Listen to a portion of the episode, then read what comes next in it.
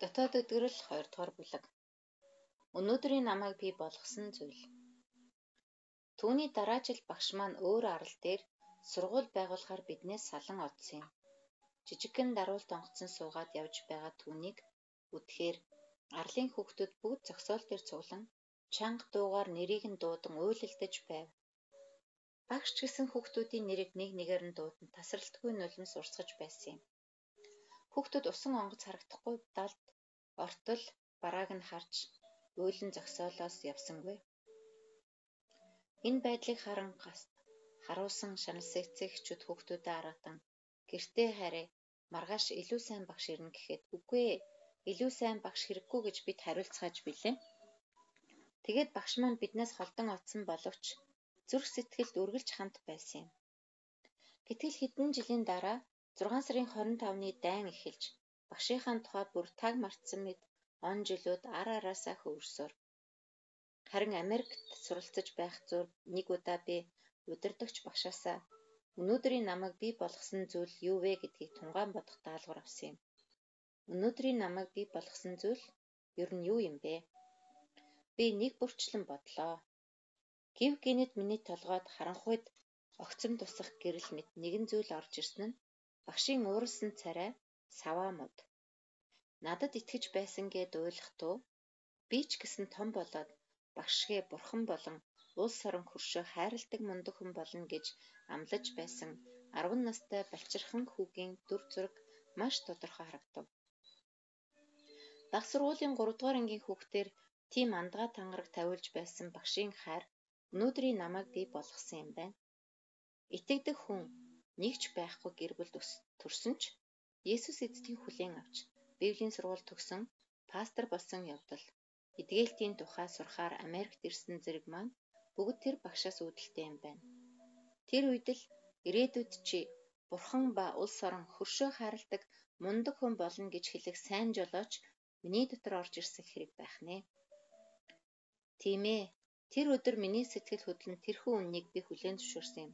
Багшийн хайр намайг дотоод эдгэрлийн зөвлөгч пастрын зам руу хөтлсөн хэрэг.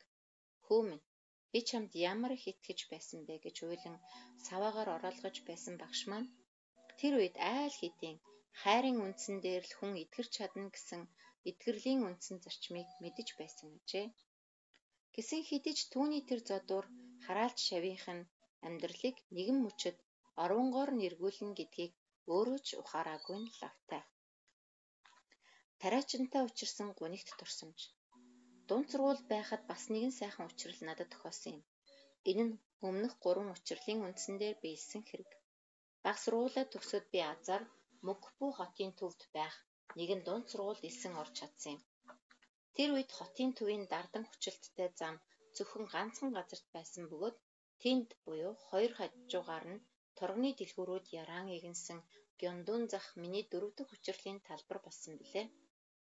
Дунд сургуулийн 2 дугаар ангид байх хавар би өгийн сулбар байдлаар сургуулиасаа буцаж явлаа.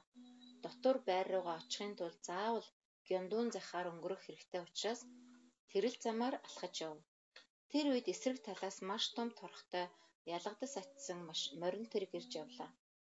Наранд түлэгдэн хав хар царайтай болсон тариачин морныхоо цулбуураас атхан явж буй харагдана.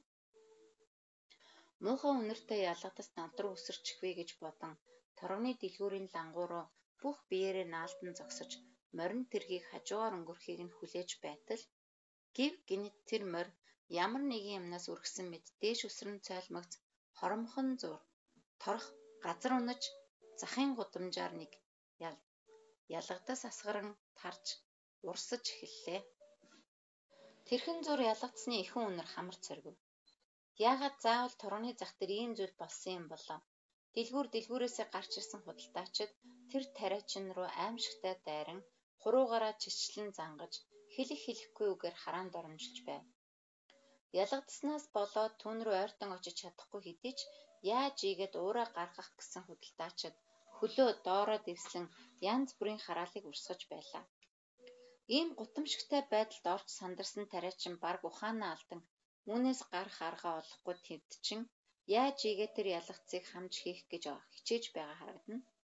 Нэг талаас нь хамхаар нөгөө тишгээ урсаад Нөгөө талаас нь хамхаар наашаага халих гээ тэр ялгцуудыг тэрсэн тариачныг харахад цэж хүндүрлэхгүй байхын аргагүй. Ялгадсны ихүүн үнэр барг ухаанаа алдсан түнд үнэртэхгүй байгаа мэт.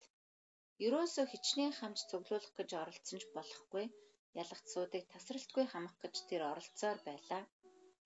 Нэг л үйлдэлээ дахин давтан хийх тариачныг харахтаа миний цээжүүд ямар нэг юм өксөд ирэв. Энэ нь ихэнх үнэртэй ялгцсан зэвүүдсэн хэрэг огт биш байлаа. Харин ямар нэгэн дүрслэн хэрхэн хэлхийн аргагүй өрөвдөлтөй шаналсан байдал.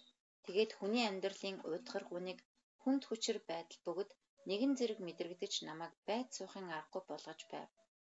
Эцэст нь гал төмрийн машин ирээд оролцсон байж бүгдийг хаман цэвэрсний дараа бүх юм нь баасанд хутгалтчихсан тариачин гэмт хэрэгтэн мэд үхэнц байдлаар тэндээс явж одсон юм. Амьдралын чиг хандлага. Би тэнд маш хүнд цохилтонд орон босоод алхах тэнхэлгүй байлаа. Миний барьж байгаа сурагчийн цүнх хэмцэр тансаг мэд санагдан цээжин дотор аимшиг дараатан архирах мэд сонсогдно. Бурхан минь би юу болоод цүнх барьж хичээл нам сурна гэд явж байгаа юм. Тэр тариа чи яагаад тэгж амьдрах ёстой юм? Яагаад адилхан хүн мөртлөө ийм ялгаатай эрхтэйш биш байдаг юм бэ? Гэртээ ирснийхээ дараа би өдрийнхөө тэмдэглэлд ингэж хүчлээ. Би ирээдүйд тийм өрөвдөлтөй тариачдын төлөө амьдрах болно. Ядуу тариачныг өрөвдөх энэ сэтгэл би том болоод багшгээ бусдыг хайрлах хүн болно гэсэн шийдвэрээс үүдэлтэй юм. Тэр үеэс эхлэн би тариачдын төлөө юу хийж амьдрах вэ гэдгээ нарийн нэгт бодож эхэлсэн билээ. Яавал тариачдын төлөө амьдарч чадах вэ?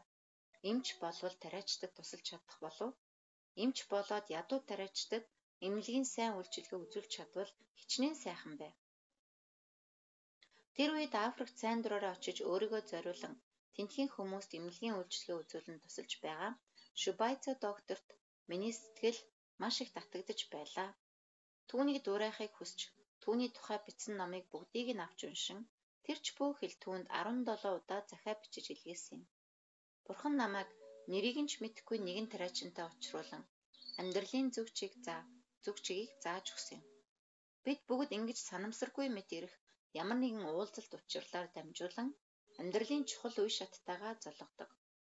Одоо яг энэ мөчөд ч хин нэгэн хүн унтаж байгаа сүнснүүдийг сэрэж дэлхий дээр Христийн халуун харийг тараанд түгээхт нь туслах сэтгэл сэтгэл хөдлөсөн гайхалтай учирлуудтай тааралдаж магадгүй юм.